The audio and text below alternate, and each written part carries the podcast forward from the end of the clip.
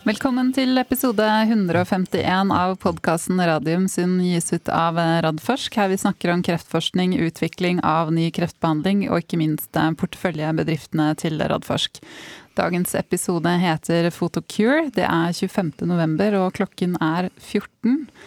Velkommen i studio, Jonas Einarsson. Takk skal du ha, Elisabeth. Alt bra? Alt er vel. Ja.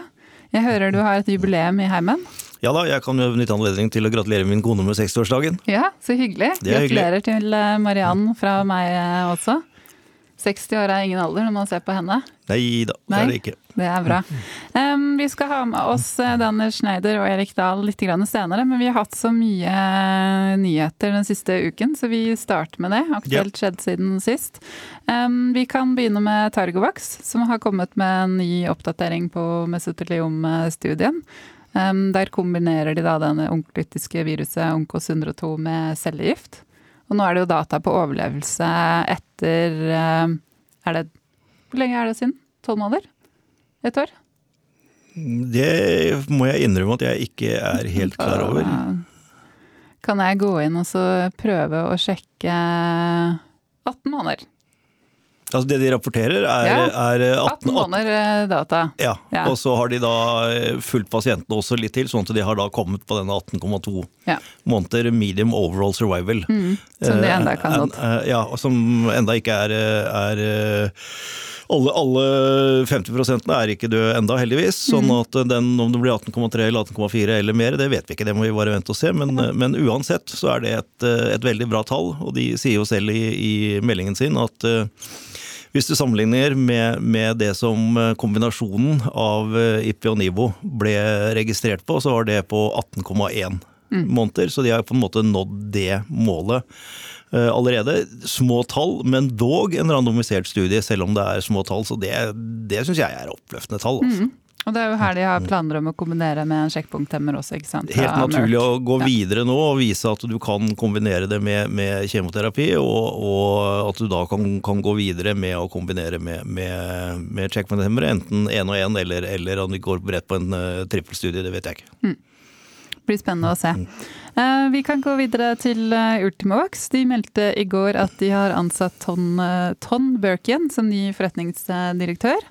Kommer fra en stilling som global leder for forretningsutvikling i legemiddelfirmaet Amgen. Yep. De har klart å tiltrekke seg en skikkelig hotshot. Ja, øh, igjen med, som styreleder ja. øh, så er vi veldig veldig fornøyd med at Tonn faktisk sa ja til å, å jobbe med, med Ultimovax. Eh, og ser helt klart at han syns det er mye spennende utfordringer som kan være med å bidra til den eh, på en måte translasjonsfasen som vi er inne i i Ultimax mot et mer eh, modent selskap nå. Så det setter vi stor pris på, og han vil være et veldig bra tilskudd til, til toppledelsen i, i Ultimax. Mm. Blir spennende. Han starter allerede 1.12., neste tirsdag, så vidt ja, meg bekjent. Det gjør han. Mm. Det blir bra. Eh, Nordic Nanovektor eh, de la fram sin eh, Q3-rapport forrige uke. De melder jo da om forsinkelser fremdeles i rekrutteringen til Paradigme. Det var jo for så vidt ikke noe overraskende i og med at man er midt i denne koronapandemien. Men de melder jo også da at de endringene de har gjort i protokollen stort sett er, er implementert. I hvert fall i de der høyest rekrutterende landene. Men så er det jo noe med det, da. Altså de nå har rekruttert inn 59 av 130 pasienter. Mm. Og sånn i utgangspunktet så skulle de egentlig vært ferdig rekruttert altså til jul, da, eller ja. til nyttår. Um, hva tenker du, tenker du om dette? Jeg tenker at det uh, ser ut som de har gjort de riktige grepene. Uh, på veldig mye på sammenlignbart mot det vi har diskutert tidligere med hva PCI Biotech gjorde uh, i sin studie. Eh, så det tror jeg de har gjort. Og så er vel litt sånn juryen fortsatt ute, eh, og, litt usikkerhet om det lykkes og hvor, hvor godt det lykkes, og hvor lenge det, det tar å få rekruttert eh, opp. Så, så, ja, det ser ut som de tar alle, alle de riktige grepene, men det er altfor tidlig til å konkludere om de klarer å ta igjen, eller hvor mye forsinkelsen blir. Så, så litt, litt, usikkerhet der, men, men, men gjør de riktige tingene. Mm. Eh, men det som er positivt, er jo da at de har rekruttert ferdig den andre kohorten i Archer 1-studien, ja. der de kombinerer betalutin med, med Rituximab. Det var positivt. Mm. Det var raskere enn jeg egentlig trodde. Nå er jo ikke det noen store tall, det heller, men ut ifra det de hadde på første kohorten, så det jo, blir det veldig spennende å se de resultatene. Og som jeg har sagt tidligere, så tror jeg det er den veien eh, Nordic Nanovektor skal gå i fremtiden, når de er ferdig med, med paradigmet for å utvide markedet, komme inn med tidligere linjebehandling. Så det blir spennende å se. Mm. Vi får vente og se når, når, det kommer noen data derfra. Eh, hvis vi går videre til PCI Biotech, så har jo de da publisert eh, de fullstendige Fimavac-dataene sine i et uh, veldig anerkjent tidsskrift, uh, Frontiers in Immunology. Ja, det er et sånn såkalt high impact. Eh, og det er, eh, det er eh, et kvalitetsstempel å få de der. Og jeg har ikke gått i detalj gjennom dataene ennå, men de bekrefter jo i topplinjedataene de kommer med, at dette, dette, ser ut til å være, være veldig bra og, og, effektivt. Så det blir spennende å se hva de klarer å få ut av det. Men, mm. men uansett positivt, ja. Ja, For målet nå er jo på en måte kanskje å tiltrekke seg noen samarbeidspartnere? Ja, de, de, sier jo at det er to veier å gå. Det ene er å få en samarbeidspartner. Eh, og det andre er at de faktisk går ut til investorene og spør om penger til å kjøre en, en fase to-studie mm. selv. Og det, det, vet vi ikke. De, de, har sagt at det, det er det de diskuterer. De er i tenkeboksen. Eh, og så er det jo veldig eh, hyggelige nyheter som vi må ta med oss. At eh, faktisk i dag, før vi gikk i studio, så ble Agnete Fredriksen, gründer, forskningssjef og president i Vaxibody, hun fikk, ble tildelt årets innovasjonspris fra Forskningsrådet. Ja. Det var høyst fortjent, ja. og jeg har heiet på henne hele veien og vært en av de som har nominert henne. Så det syns jeg er eh, veldig hyggelig, og det, det, skulle nesten bare mangle at ikke hun blir satt pris på på den måten der. Mm. Og det som jeg syns var så kult å se, fordi prisen innebærer jo En ting er jo heder og ære og, og berømmelse, men prisen er jo faktisk der på en halv million norske kroner. Som hun da gir videre til Spark, som er da mm. innovasjonsprogrammet for eh, altså de unge forskerne ved for Universitetet i Oslo? Nye unge forskere med gründerspirer, så gir hun disse, disse, pengene eh, direkte over til de, sånn at det styrker det programmet. Det mm. bare viser litt hvordan Agnete tenker og er. Mm. Det var veldig gøy. Eh, og så har vi enda en eh, glad nyhet, og det er jo at Impress eh, Norway nå er finansiert. Det er kanskje litt kryptisk for noe om hva det er? Har du Ja, det er en studie hvor man skal forsøke å bruke moderne gensekvenseringsteknologi til å velge de riktige medisinene for de riktige pasientene. Og vårt problem i Norge har vært at vi har vært altfor sent ute med å installere og få opp en infrastruktur til å kunne gjøre en sånn total genomsekvensering og se etter store mengder av, av mutasjoner hos kreftpasienter som ellers ikke har annen behandling. Og så se har de noen mutasjoner som det fins medisiner mot, men som ikke har den indikasjonen per i dag. Og dette er et samarbeid mellom Helse Sør-Øst og nå også da på, på, regjeringsnivå, siden de ga nå 50 millioner. Ja, det tror jeg var alle RHF-ene som spytta inn 50 millioner. Det var, det, ja.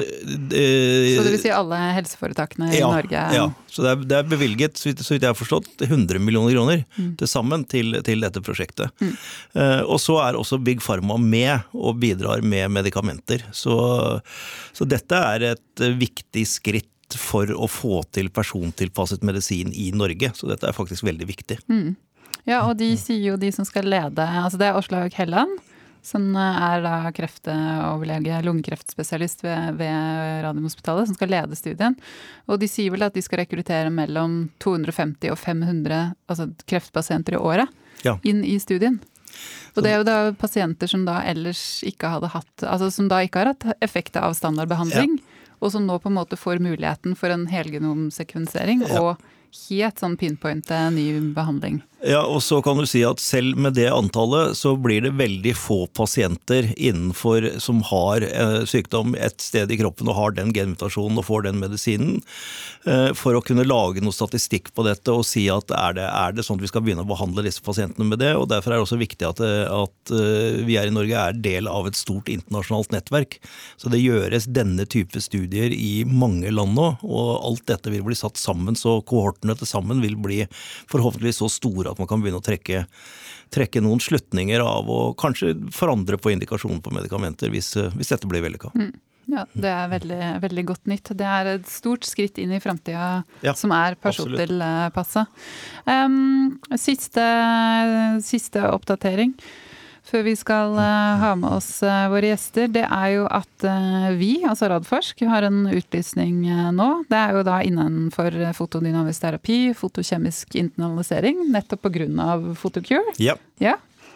Det er, det er, helt riktig. Det gjelder innenfor det som da heter PDT, fotodynamisk terapi, og PCI.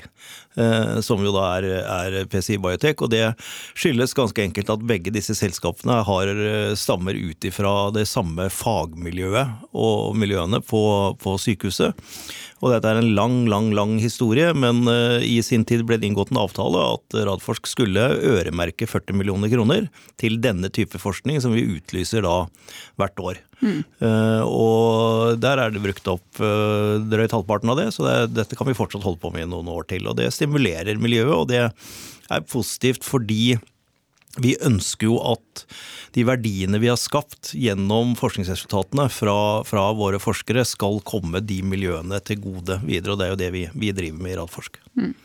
Det er jo da forskere ved Oslo universitetssykehus som kan søke på dette her. Også i år, eller da neste år, da, siden det er 2021, søknadsfristen er 15.1, så er det en ekstra stor pott, for det er det annethvert år. Ja. Så ett av prosjektene blir plukket ut og får 3,75 millioner kroner. Ja, det er, det er, helt riktig. Under forutsetning av at det kommer et prosjekt som uh, ekspertkomiteen uh, mener er god nok til å, å få den bevilgningen. Ja. Men i hvert fall, um, tenker du at dette er noe du skal søke på, så er det bare å gå inn på nettsidene til Radforsk, så finner du all informasjon der, også retningslinjene som er laget i forhold til den utlysningen. Mm. Og så må jeg si én ting til, det hadde jeg glemt å sette på, ehm, på blokka mi faktisk. Men det er jo at um, Oslo Science City, hvor du har gått inn i styret nå, det tror jeg ikke vi har snakka så mye om. Er jo, Oslo er jo et av de nye innovasjonsdistriktene. Man skal koble næringsliv, forskning og også et levende bymiljø. Ja. Og de skal ha en sånn mulighetsstudie nå, og de har altså fått med seg litt av et topplag til å lage denne mulighetsstudien. Ja, jeg satt faktisk i den komiteen som valgte ut hvem som skulle, vi skulle jobbe videre med. Og var, jeg var altså så imponert over kvaliteten og kvantiteten på de som ønsket å være med dette. Dette er ikke noe store summer de får, men de aller fleste var liksom satt sammen stjernelag fordi de syns dette er så spennende og morsomt å være med på. Eh, og det er jo klart at det å utvikle Oslo Science City Nå fikk vi jo en ordentlig fjær i hatten med at livsvitenskapsbygget er berga i forhold til den størrelsen det skulle ha, med at OS går inn og tar en del av de av de lokalene. Og det tenker jeg er en kjempefin synergi å få veldig, de inn der. Veldig god synergi, og, og så livsvitenskapsbygget er kjempeviktig. Og så da selvfølgelig utviklingen på Marienlyst. Uh, altså, ja, gå inn og se på Oslo Science City og alle de prosjektene. Campus Radiumhospitalet og Oslo Cancer Cluster er jo også en, en, del av dette, så dette, dette, blir morsomt å jobbe med. Mm. Må nevne da at han eh, stjernearkitekten, den danske stjernearkitekten Bjarke Ingels er med i med sin gruppe, har gjort ja. mye fint. Eh, det eneste jeg har sett eh, selv, er jo da The Twist på Kistefoss, men det er jo fantastisk. Ja.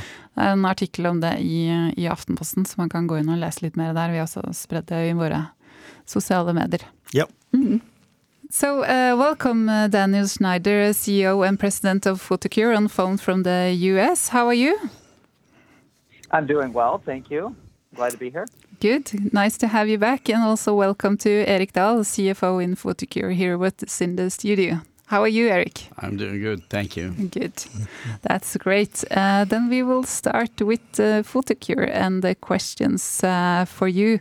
Um, we are looking forward to hearing more about recent uh, developments in the company, but um, I, I will uh, uh, ask you a more open question for the start. How will you summarize the status for the company as of now and going forward, Dan? Okay, uh, sure. I, am happy to happy to give you an update, and I'll separate it into two parts because we're fortunate now to have you know two major parts of the world uh, in which Cysview is under our control: the U.S. and Europe. So let's let's talk about the U.S. first. Um, we continue to see a strong rebound in Q3 after a very tough Q2, in particular, you know, a very strong, uh, large trough in April. Um, but we've we've come come back, and you know, I, I attribute part of that to the fact that we we retained all of our commercial personnel, so that you know, not knowing when COVID would end, but knowing it would end, we'd be prepared to get back out into those hospitals uh, and, and, start selling. So, U.S. experienced a 17% increase in uh, unit sales and 20% in revenue. Uh, there's still challenges in the U.S., and as we kind of are heading into the winter months uh, across the globe, we're seeing those challenges reoccur with access uh, and support. However, you know, COVID, uh, particularly in the U.S., brought on creativity in the sense of how do you access those hospitals when you can't get there personally? So we have found ways to get in there virtually, digitally, in other ways uh, to support those those cases. So there'll be ongoing disruptions uh, through the winter months, uh, but I think as a company uh, and as a as an important part of treating bladder cancer, which does not stop, we'll we'll continue to kind of weather this storm. And um, the good news is that the interest and the pipeline in blue light cystoscopy with Cysview remains very high. On the European side, uh, I am very excited. I'm very proud, actually, of the team uh, at Photocure.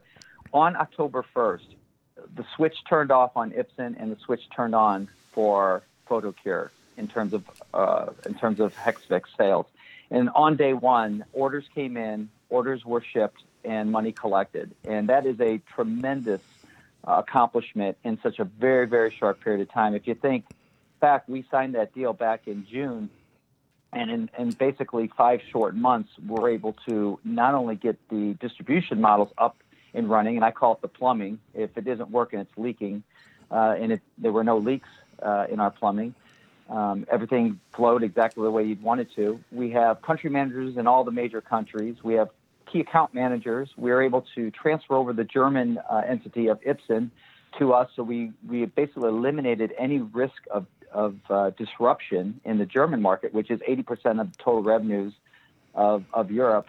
Uh, and, uh, you know, Europe in general is weathering COVID better, I think, than the U.S. in, in terms of just business, um, um, you know, kind of maintaining, not troughing uh, as it did in the U.S.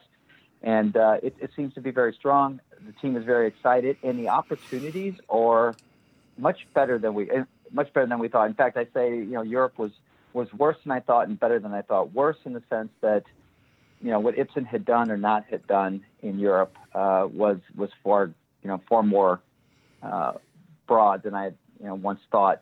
But the good news is, is because they hadn't done as much, the opportunities of growth uh, are, are, a lot larger than we had thought. Uh, and and so we intend, as we kind of emerge out of these COVID restricted times, uh, to really take advantage of those opportunities. So anyway, an answer, but as you can tell, I'm very excited and, and very pleased and happy with uh, our progress to date. Hmm. Sounds very good. Seems like you have a very seamless transition in, in Europe, even more seamless than you could have uh, dreamed of. It is, you know, and I've been through many of these in my past. And most every transition or acquisition you make, you plan some level of transition dip in sales or revenue uh, and, and, and we did as well. I mean, just a slight, you know, the, the, switching of operations. But I can tell you, it has been, it's been remarkably smooth. Uh, just nothing of any consequence uh, affecting the business. So I, I know, hats off to uh, all my folks who who really made that happen. Hmm. And that's uh, really good news, uh, this, especially during a, a pandemic. Um, Erik, do you have something to add on for the status as, uh, of the company? Oh yeah, sure. Thank you. Uh, yeah, I mean, yeah, as you know, we just reported our Q3 numbers, and they were really looking good. Um, we reported an, an adjusted EBITDA of positive of 2.5 million, which reflects the underlying business and the development of that business. And it's a step. It's definitely a step in the right direction, and it's a step in the right direction that we make in a world that is very difficult. Uh, and as as uh, Dan, I would like to emphasize the development in U.S.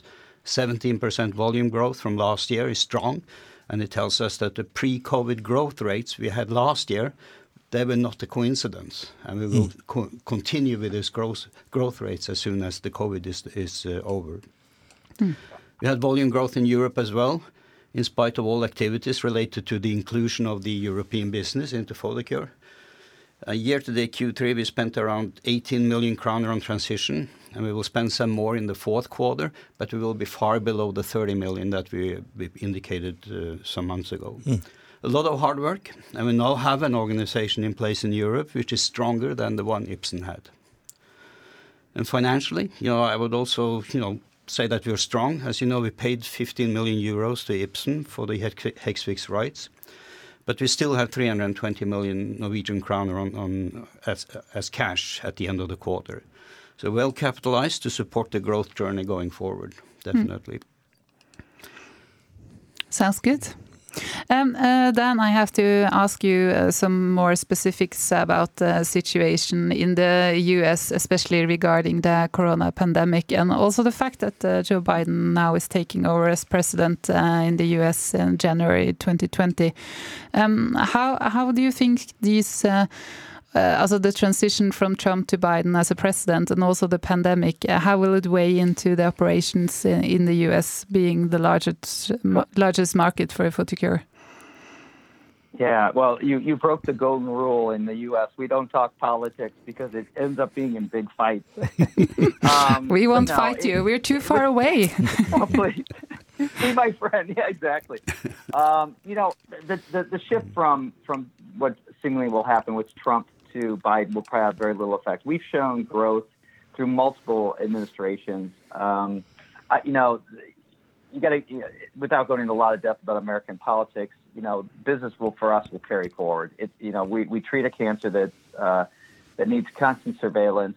Um, nothing's going to change in the short term. Uh, and if anything, I think we're in well positioned uh, because we're life a life-saving therapy or not therapy, but diagnostic and therapeutic um, pursuit to uh, help bladder cancer patients. Um, you know, with the COVID element of it, you know, we've deliberately maintained our commercial and organization, the sales reps. There's a lot of organizations that chose not to do that um, throughout the world, I think, and particularly the U.S. You know, they they panicked. And, you know, to do that, you're taking a huge risk because, you know, if you if you eliminate the sales force and COVID lifts, you got to go back to work. And what are you going to go back to work with if you don't have the sales force? You're going to have to go back out, hire, train, and redeploy. And let alone your reputation's been damaged and people will not trust the organization. So we saw COVID as a temporary uh, dip. And in fact, it was. It has a prolonged effect. But at the end of the day, we we were there when the uh, hospitals opened up and were able to respond uh, and impact the business and continue to do so and supporting patients and patients with bladder cancer. But, you know, regardless of of politics, I think we're we're well positioned. Hmm. That's good to hear. Uh, Jonas, I know you hmm. are curious about the situation for the specialty hospitals in the U.S. Yes, because uh, what we've seen here in Norway and also I know in all the Nordic countries and probably other in, in Europe too, they have managed to sort of isolate these specialized hospitals that treat cancer and and uh, and other things and keep the COVID out of of uh, of these hospitals. And so they were pretty fast getting back to sort of normal in these kind of hospitals. And is that the same uh, the case in in the U.S. too? You know, not not the same, Jonas. Um, a couple things here with the the U.S. hospitals. Where we've seen the biggest impact of COVID on business has been in the large cities. And that that's sort of expected, in particular, New York, D.C., uh, San Francisco, L.A., Boston. Um, it also has some of the largest institutions. It's a two-part uh, answer. Part one is, you know, are the hospitals ready and will they receive patients? And through the summer months, they learned how to do that. They changed their procedures. Patients had to go get COVID tested. Uh, they were admitted through different parts, different uh, entrances of hospitals, et cetera, trying to trying to keep themselves safe from any COVID uh, transmission. The second part of the equation is patients themselves, you know, and their fears of going out and going to hospitals hmm. to get procedures done. And that's a more interesting one. And, and you know, that takes physician convincing patients that it is safe to come back into the hospitals and to get procedures done. Now, having said all that, you know, as things are are getting worse, I guess, here in the U.S., um, patients who are high grade or have CIS are are certainly prioritized to to come in. It's, you know, from a physician standpoint, it's it's non-negotiable. You need to come in. You'll die of the cancer before you die of COVID. Um, so they they want them in the hospitals. The nice thing is that Cysview Hexvix uh, is the perfect product for these types of patients in particular. It's, it's in fact, if physician starts using Cysview or Hexvix, you know, their first thoughts are, you know, certainly for every high grade patient and CIS patient, I should be using blue light cystoscopy. So that, that bodes well for us. We've also positioned our product to be the, the, the diagnostic of choice uh, during these times because you you know you send the patient home and uh, although as a physician you may have scheduled them to come back in three months you know that may or may not happen it may be the hospital is overrun with covid or it could be the patient elects not to come in for that procedure so having blue light cystoscopy and having a complete and clean TRBT uh, or good surveillance is critical to their patient care mm. so you know I get a long-winded answer but I think that gives you a flavor for what's going on here in the US yeah mm. thanks Absolutely. Thank you, mm. Dan. Do, do you have something to uh, to comment on here, Erik? No, I think you know. I, the funny thing is that you know we had you know a real drop going back to April. Um, we were down 51% compared to last year, and but it you know recovered pretty soon. Already in May we were 7% below prior year, and in June we were above prior year, and it continued in in the third quarter.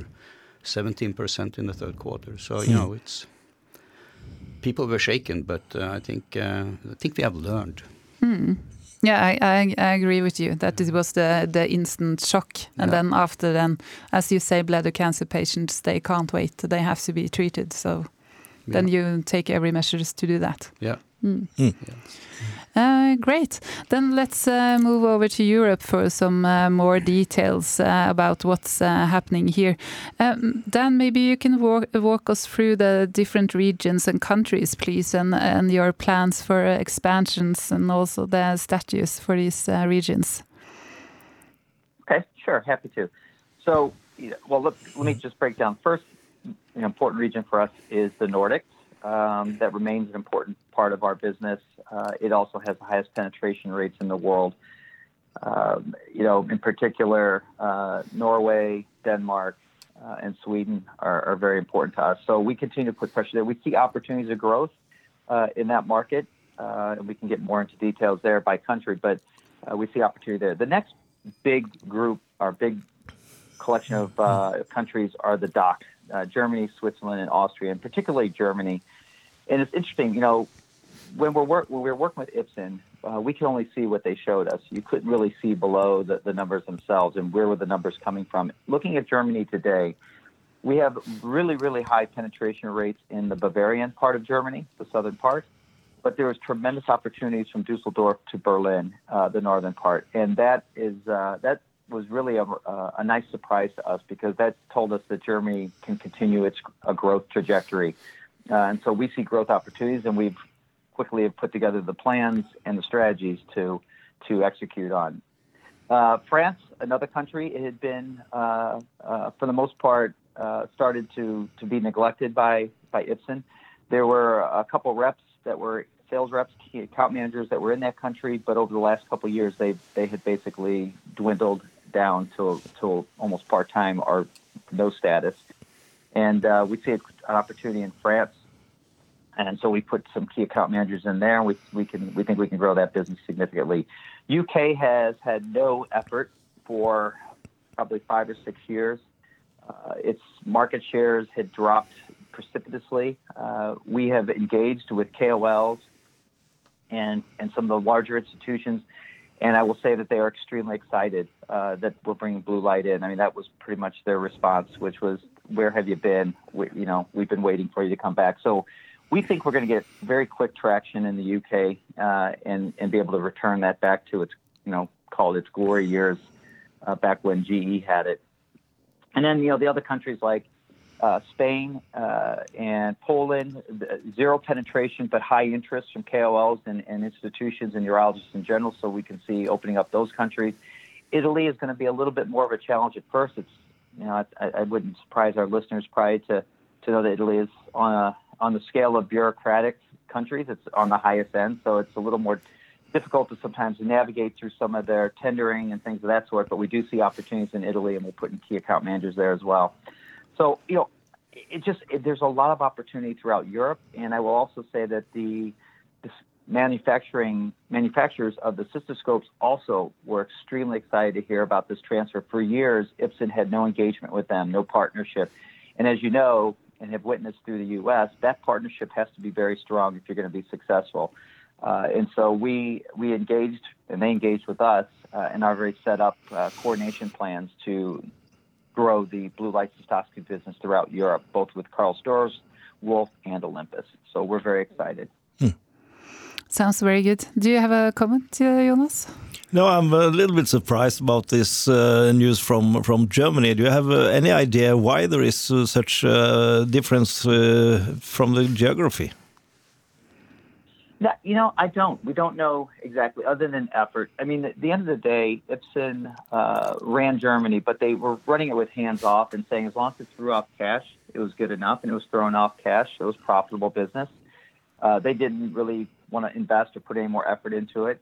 Um, it also could be somewhat of the regional differences of the people. You know, sometimes even in the U.S., there's some parts of the country that are easier to penetrate sooner, quicker, faster than other parts of the country. I, I don't know all the mm. dynamics of Germany, but it is very clear that there are uh, some major cities like Dusseldorf where the pe- penetration or the placement of blue light cystoscopes is extremely low compared to uh, con- uh, cities like Munich. So uh, we see we see opportunity. It's, you know, it's, it's not going to happen in one month, but we do see the opportunity there, and that was that was very encouraging to us. So it's it's it's uh, directly correlated to where we have people on the ground. You have penetration. That's exactly right. Mm. That is exactly right, and that's that that is testament to the type of product sale this is. You know, even though it is a pharmaceutical, it, it is a device type sale process and support. So you walk away from it and eventually the sales will eventually hit zero again. So mm. you, you have to be continually supporting it, which is why again, even with even if you had no IP on the product, a generic manufacturer is going to think twice of ever entering this market because they don't want to put sales force effort and commercial uh, effort behind products. They want to just put them into the uh, the trade channels, and that's not going to that's not going to cut it for this type of product with, with, with all of these sort of not new but but very very nice and good opportunities, uh, would that uh, in time uh, inflect on your guiding on the sales? Yeah, perhaps perhaps in in time. I mean, COVID is has quite uh, muddied our waters, as everyone knows. Um, you know, we we can see the future and we can see that blue light cystoscopy is, is here to stay. It's a standard of care. We can see growing it into the gold standard in the treatment of bladder cancer and all those things that go with it. Uh, but COVID has thrown uh, a blanket over it for, for a little while and kind of slowed everyone. And it's not just affecting us; it's affecting affecting every mm. business in the world. So, but yeah, I mean, uh, we we see some opportunities through through Europe. Good. Mm, sounds very good. Um, Erik, do you have a comment? Yeah, I mean, I, I, now and then, quite frequently actually, get questions about our forecast and, and the guidance for 2023, the 1 million Norwegian kroner of revenue. And as you know, the group revenue ambition for 2023 was announced in April when when we you know it was during the first phase of the pandemic and a fairly limited visibility on 2020 uh, for 2020. And we always stated that it's uncertainty related to growth ambitions. Currently, the 1 billion is our best estimate, but unexpected things may happen, as we have seen this year. And we know the positive thing is that we know there is a pipeline of COVID vaccines for approval, but the visibility is still low, and it's mm. it's low going into 2021 as well. Mm. Mm.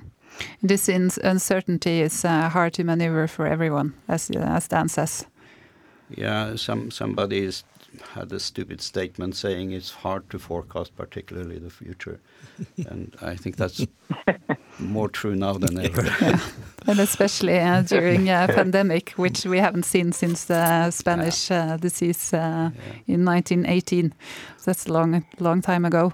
Um, uh, moving over to um, Cevira, uh, that was uh, some really good news that actually came after your Q3 report that that Asieris, which is running now the global phase three study, they had already recruited the first patient, and as I understand, this is uh, half a year before schedule. And uh, and my first uh, question was then how how is this possible? Because uh, all clinical studies seems to have been hampered or delayed and people have uh, trouble in recruiting and here they are actually half a year before schedule. Dan, how can you explain this? Yeah, well, first, you know, they're going. To the first indication is is for China, and so most of the clinical sites are China, and uh, China has managed this uh, crisis better. Well, let's put it this way: from from outsiders looking into China, we believe they handled it better. The you know they, they jumped on it very quickly and and uh, and were able to manage it. Um, and they've had um, they've had you know there's been a few to say COVID didn't impact it a little bit. It certainly has. I mean, I think when we talk about first patient in, uh, their first thoughts were that they would have first patient in as early as August. Uh, it delayed by a couple months, but still, you know, seven, eight months ahead of what uh, what the ultimate development plan sort of laid out. So um, they, I, I talked to their CEO, Kevin Pan. He's remained optimistic, and he said that uh, right now the clinical sites are, are enrolling and, and things are going well. Uh, if maybe another round of pandemic hits and shuts shuts China down, then then there probably would be a slowdown. But but you know the fact that there are already seven plus months ahead of what they had initially thought might be the uh, the development plan is really good. Most most development plans end up falling behind. This one's getting itself ahead. But I know Erik will kick me if I suggest it's going to come out anytime sooner than what they're what we've already guided the street on in terms of a, an approval and, and into the market. But it's just encouraging to see how enthusiastic uh, they have been with getting this this moving. Do you think there are any learning points here for other companies, or is it that this, uh, as you say, they have opened most of their sites in in China, and uh, yeah, since they had the, the, pandemic first, that they are better prepared now, or what's the reason? Do you think? You know, I don't know, Elizabeth. I really, I, I don't know if there's any particular learnings. I, it's just a very, they're a very lean organization, very focused, very dedicated, hardworking. Uh, there's no distractions um, for them. They just uh, they're just focused. Mm. Good. And uh, yeah, I have a question here about the market filing. If you think that will happen before, but I, from your comment, I uh, I don't think you will. You can comment anything on that. Mm. Erik, Erik, is shaking his head as well. He's like, "No, don't go there." Yeah, but then we can uh, move over to the finances, Erik. There we can go. Yep. So you can give us a short, short introduction or a presentation of the finances as yeah. of today. Yeah, as I said earlier, I mean, we, we the underlying development of the business is fantastic. Uh, we've been hovering around, you know, break-even EBITDA for a number of quarters, particularly before COVID. Then COVID came, and, and we definitely weren't around zero EBITDA. But but we saw that in, in the third quarter with with a 2.5 million positive adjusted EBITDA. That is uh, that that we kind of very much back. Uh, not where we need to be. Definitely not. I mean, 17% is great, but that's not what we had before COVID. Uh, so, but but we're moving in the right direction, and, and as I said, we're, we're doing that during very difficult times. Mm. So and and very positive about Europe. Uh, I was surprised when I saw their positive volume development in the third quarter. Very happy about that. Uh, I'm I'm I'm really excited about Germany and I see that all the the Ipsen sales force, which are very good, solid sales force, know they know the business. They joined us in Photocure seamless. I mean, it was you know, the, the, the, revenue started to come. I mean, for day one mm. after after October first, and it's a it's a very good experience, very promising for the future. Hmm. Do you have a comment, Jonas? No, I, I mean I think that's uh, wonderful news that uh, it was so seamless that uh, actually you, you got the first order you, you told me on mm. on on the first of October. that really shows that uh, uh, this this has worked as as it should go. And uh, as we said earlier, if you if you make it during these times, then you have a very good solid base to to make it good when we're uh, through the COVID situation. Yeah. Hmm. And you said that uh, everyone has a question uh, regarding the guidance on 1 billion NOK in, in revenues. But uh, if I can maybe tweak my question, then was it a conservative target in the first place? Uh, it was a target. I, I wouldn't, you know, it, it it takes a significant growth to get to that target, definitely.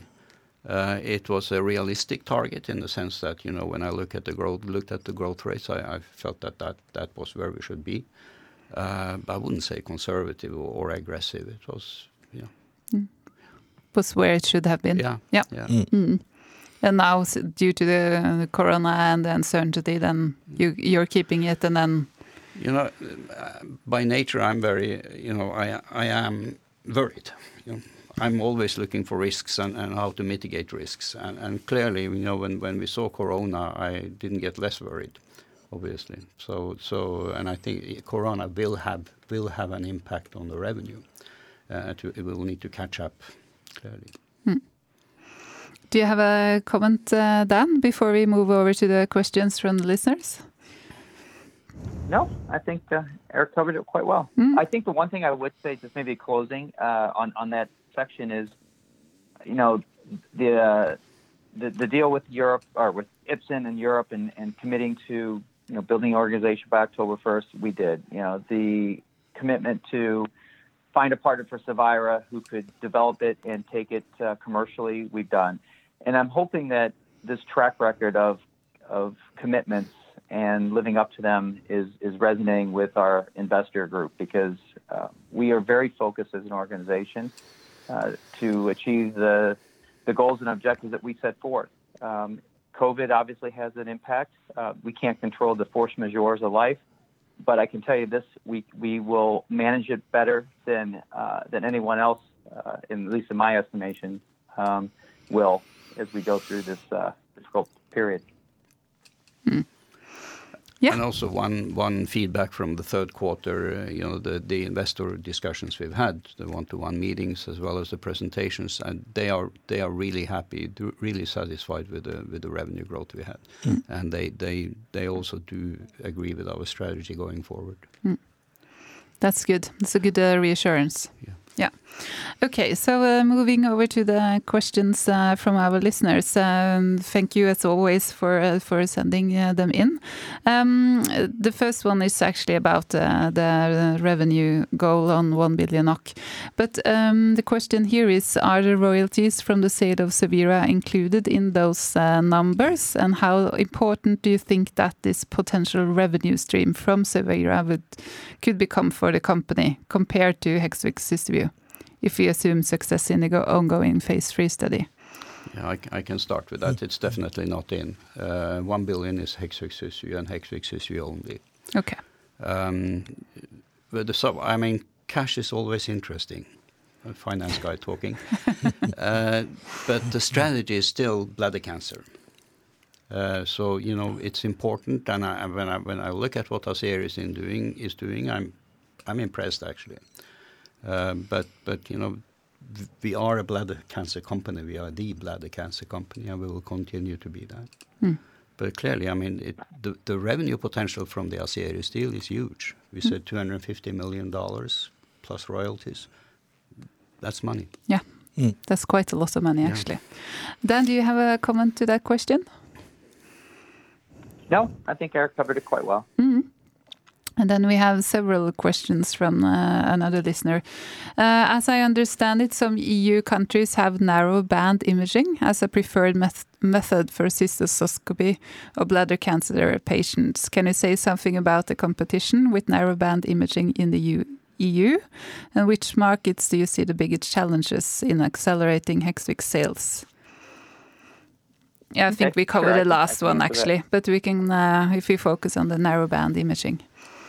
The narrowband imaging, sure. Uh, so narrowband imaging has been out for six or seven years to date. It is a better version of white light cystoscopy. It is not a direct. It's a com- competitive to blue light cystoscopy in the sense that if we can't get blue light cystoscopy in an account, and they're looking with white light, and they want to get something slightly better, they would go to narrowband imaging. In fact, narrowband imaging uh, did a phase III multicenter evaluated uh, clinical trial and failed on its endpoint to show a difference over white light. And I want to underscore, failed, because they they don't show a significant difference. What they show is uh, is they light up hypervasculature of tumors. You you don't get clear margins, uh, but you may see something, and and therefore, you may may resect it. unlike blue light cystoscopy with Cysview Hexvix, we have over 100 scientific publications proving the benefits of BLC over white light cystoscopy.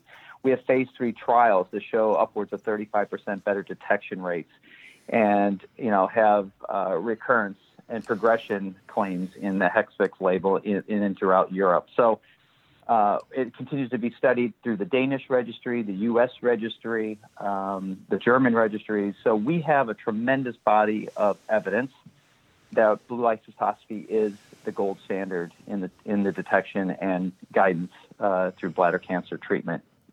Um, regarding you know some of the the, the recent uh, I would say minor publications, it's not really news to us. We are very much aware of the uh, investigator in the Danish market who is basically has converted the two hospitals that he manages to NBI, and he's doing it under the under the guise of, of trying to determine whether or not a retrospective study looking at you know doing patients for two years under NBI versus looking back to you know four years ago to blue light cystoscopy. It's it's it's you know it, it's it's one way of doing it. Uh, it's not a controlled study. Um, it's not a scientifically grounded study, and by any means, it's just uh, one way of doing it. Um, it's it's in two of the 17 or 18 uh, accounts in Denmark. So you know, we're not really concerned there. If you take a look at the number of Olympus accounts throughout Europe, they represent around 40%. Karl Storz has about 40%, and Wolf has somewhere around 10 or 15% of the installations throughout Europe. And depending on which country you're in, you may have more of one than another. In other words, if you're in the UK, it's almost 100% Karl Storz. If you're in, in Denmark, it's it's primarily almost all Olympus. Uh, there's a couple Storz uh, as well. The other thing to keep in mind with this, uh, from an Olympus standpoint, strategically, if you look at blue light cystoscopes in the market in Europe, Karl Storz and Wolf have very, very good blue light systems. Olympus is in process of developing uh, and increasing uh, their their blue light cystoscope. It's it's not quite at the same competitive level as the other two.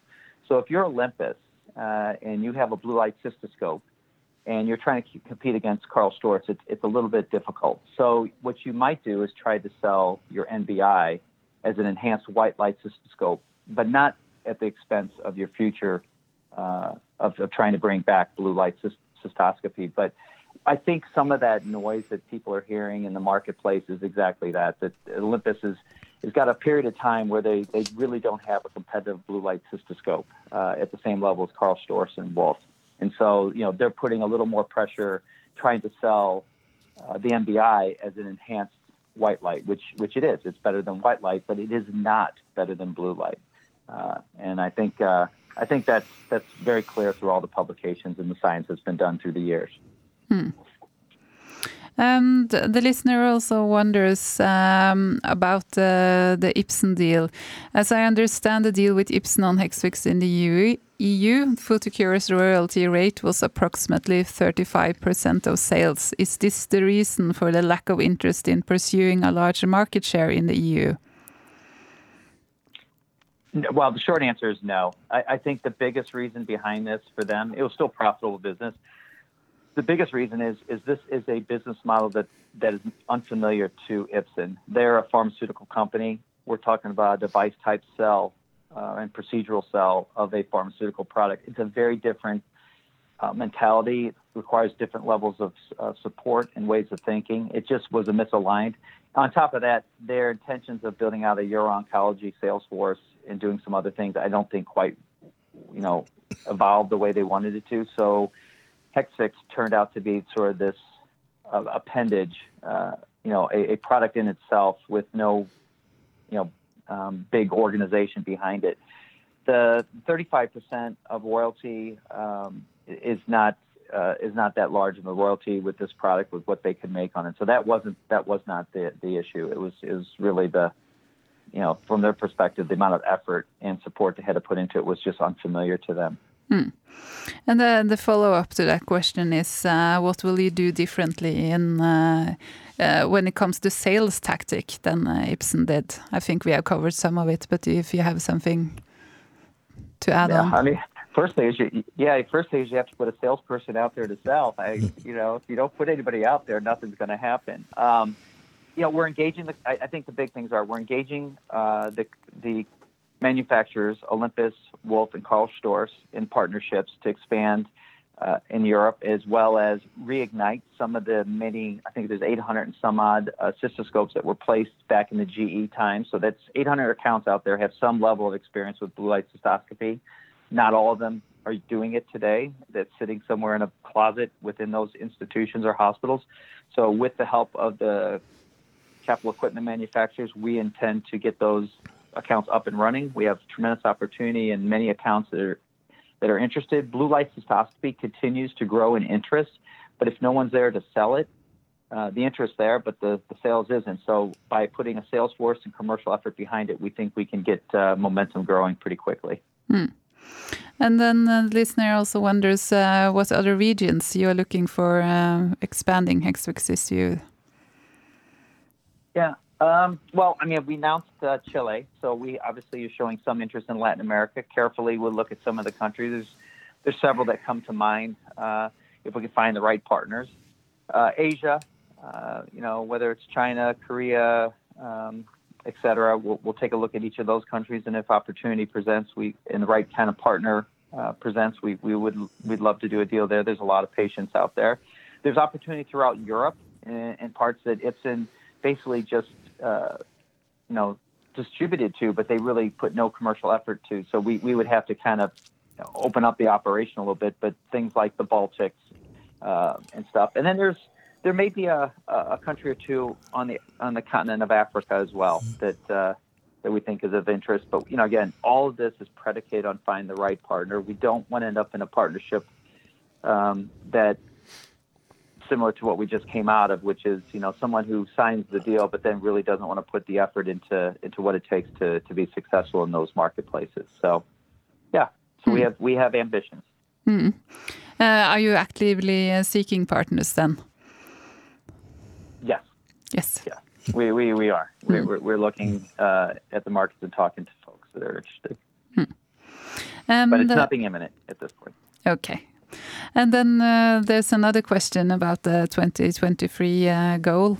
Um, but uh, this listener is, he says that um, from a valuation standpoint, you need to keep the growth rate or sales up for a longer period of time.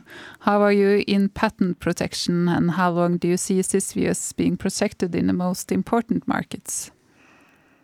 Hmm. Okay. Well, first and foremost, I think uh, I think everyone's pretty well aware uh, our our primary patent on Hexvix dropped last fall, and on Cysview in November. I think it's like November seventh or eighth. Uh, there is absolutely no interest from the generic uh, manufacturers across the globe in in genericizing Hexvix and Cysview. In addition, we have now wrapped additional uh, protection on the product IP, and will continue to do so. Um, we have data protection in the U.S for the use in the office and Flex for another year, I think, believe year and a half. Um, you know, from a from a scanning the environment, we use a, a, a renowned organization called TPR, and we just received the report two weeks ago, which they can mm-hmm. scan out as far as three years out. They're looking at API uh, imports, exports, regulatory filings, uh, primary research with generic manufacturers who are, have the highest propensity to prob- you know enter different markets and there is absolutely no interest, no activity anywhere in the world uh, to to uh, copy or genericize Cysview Hexvix. We also look at products proxies that are just like our product. Visidyne, Metvix are two that come to mind. Those products have been off patent for years, and again, no interest from generic manufacturers. This whole space of drug device combinations is just not a place that generic manufacturers are compelled to enter into. And when you take a look at the market and dig into it, and you realize that it's going to require commercial effort, it becomes extremely uh, ugly opportunity to them. And it's not. And at this point, we don't have. This is not a billion dollar product, so it's certainly not going to garner the attention. Um, there's also technical manufacturing hurdles. We're listing in the EU and US pharmacopoeias, which is going to tighten down the specifications, make it more and more difficult recipe to follow. Um, you know the the the way the product is packaged and freeze dried API under aseptic conditions, many manual and semi manual uh, packaging and labeling, again, generic guys want to just you know press and push and throw it out the throw it out the back door. Uh, we also have the exclusivity with the only medical grade API manufacturer in the world. So if you're a generic manufacturer, you're going to have to find someone uh, out there who can create medical grade API, and that that's not uh, particularly easy.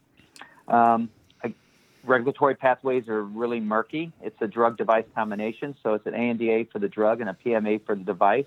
You'd have to work in, in concert with the capital equipment manufacturers who are looking for partnerships, and they're not going to get a partnership from a generic manufacturer. What they'll get is someone who will produce the product, but they need the sales service and support, and that's what they get from Photocure. So they're not uh, they're not likely to, and I know this direct conversation, they're not likely to, to you know really work in coordination with the generic manufacturers, uh, and then just the general commercial challenges. So, I guess the listener's question is if 2023 and the one billion dollar goal is is because of COVID pushes out, are you well protected, and how long is that runway? And the answer is yes. I feel very well protected, and I think our runway is quite long. Um, and and uh, I'm, I'm not worried. That's of all the things I, I lose sleep on. Uh, my protection, IP protection, and market exclusivity is not something that I lose sleep over.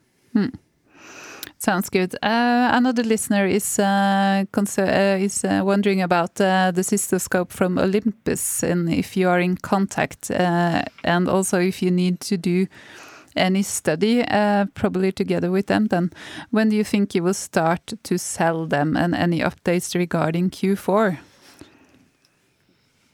Um, I don't understand. If the question is Olympus cystoscope, I don't know if they're asking about the NBI, which we we spoke to them about. We are in contact with Olympus. Uh, we work with them in the marketplaces that we share.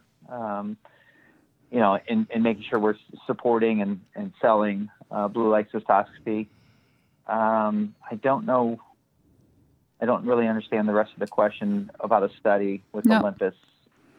I don't have I don't, any further uh, question, uh, any further information uh, actually. So uh, yeah, um, yeah. the same listener yeah, is. I mean, yeah. Go ahead. I'm sorry, Elizabeth. No, continue then. Oh, I was just.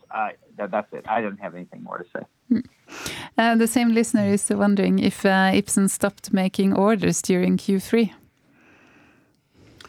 No, I mean the sales in Q3 up until October 1st was definitely taken care of by Ipsen. Mm. Uh, and the sales was pretty good in, in third quarter. So, no, mm. they did not.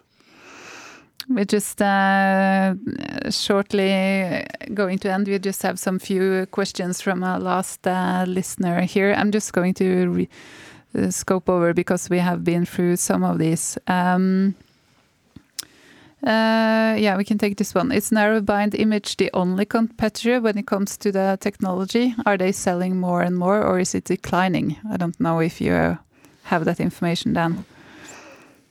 Yeah, I, I would say as far as the competition, it, again, it's not a direct competition. I've gone through the fact that blue light cystoscopy sees more and has the, the clinical trials behind it. But if there is a, if you want to call it competition um, in terms of white light, you know, if, if a, an account wants to improve white light visualization, they could go to narrowband or they could go narrowband and blue light. Are they selling more? I, I would I would suspect that they they'll continue to push it and they'll sell more. But is it at the cost of blue light cystoscopy? And the answer to that is no. We, we mm-hmm. both technologies have a place. You know, their version is a better version of white light, and shows hypervasculature. Ours shows clear tumor margins for for perfect resection. So we can work in concert with them and not in competition with them. And, and that's how we approach it, the market with them. Hmm. And then um, as a question here, is there any obstacle or bad news or could be bad news that you are aware of that you haven't addressed to the market when it comes to Cysview, Hexvix? I underline any bad, could be bad news. I I don't have any bad news at this point, Erik. I, will I'll guess they follow the rules of the Norwegian Stock Exchange. So if there is any bad news, you will comment on them. We certainly will. Yeah, yeah. that's right. Yeah, that's yeah. very reassuring. Uh, the last question: Are you still in dialogue with other manufacturers in the U.S. so Cysview not only must be used with Karl Storz, but with other, as for instance Olympus? Any timelines? Um, yeah, I mean, we're talking to all the manufacturers uh, besides Karl Storz, uh, and then there's there's obviously some other development stuff going on in the U.S. market, and we're supportive of that. You know, if if they're wanting to come into the market and support Blue Light, as far as timeline, um, I you know, there's a lot that goes into with these timelines. Uh, wh- whether you know it's working with the FDA or their own internal timelines. Um, there's nothing imminent. In other words, I don't see anything changing in 2021, but the interest is growing uh, because blue light cystoscopy continues to grow, and interest of patients who are demanding it and physicians who want to serve the patient's demands and bring better, you know, TURBTs. That it's it's inevitable, I think.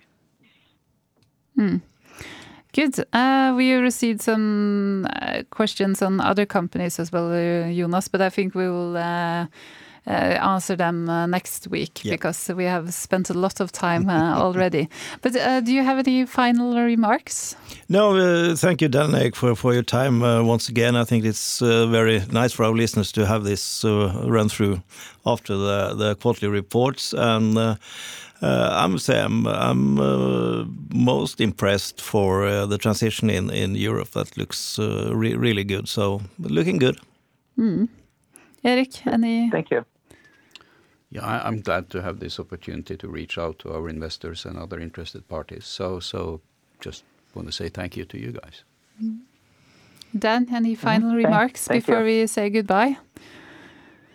No, thank you, and uh, look forward to speaking to, everyone soon. Yes, thank you so much for coming, both uh, Erik and Dan. And uh, you stay safe in the US, uh, Dan. And sorry to have uh, breached uh, breach, uh, the the conduct of not talking uh, talking politics. I will not mention religion next time we speak either. okay, Thank you. stay safe. Thank you. Thank you. All right, bye bye.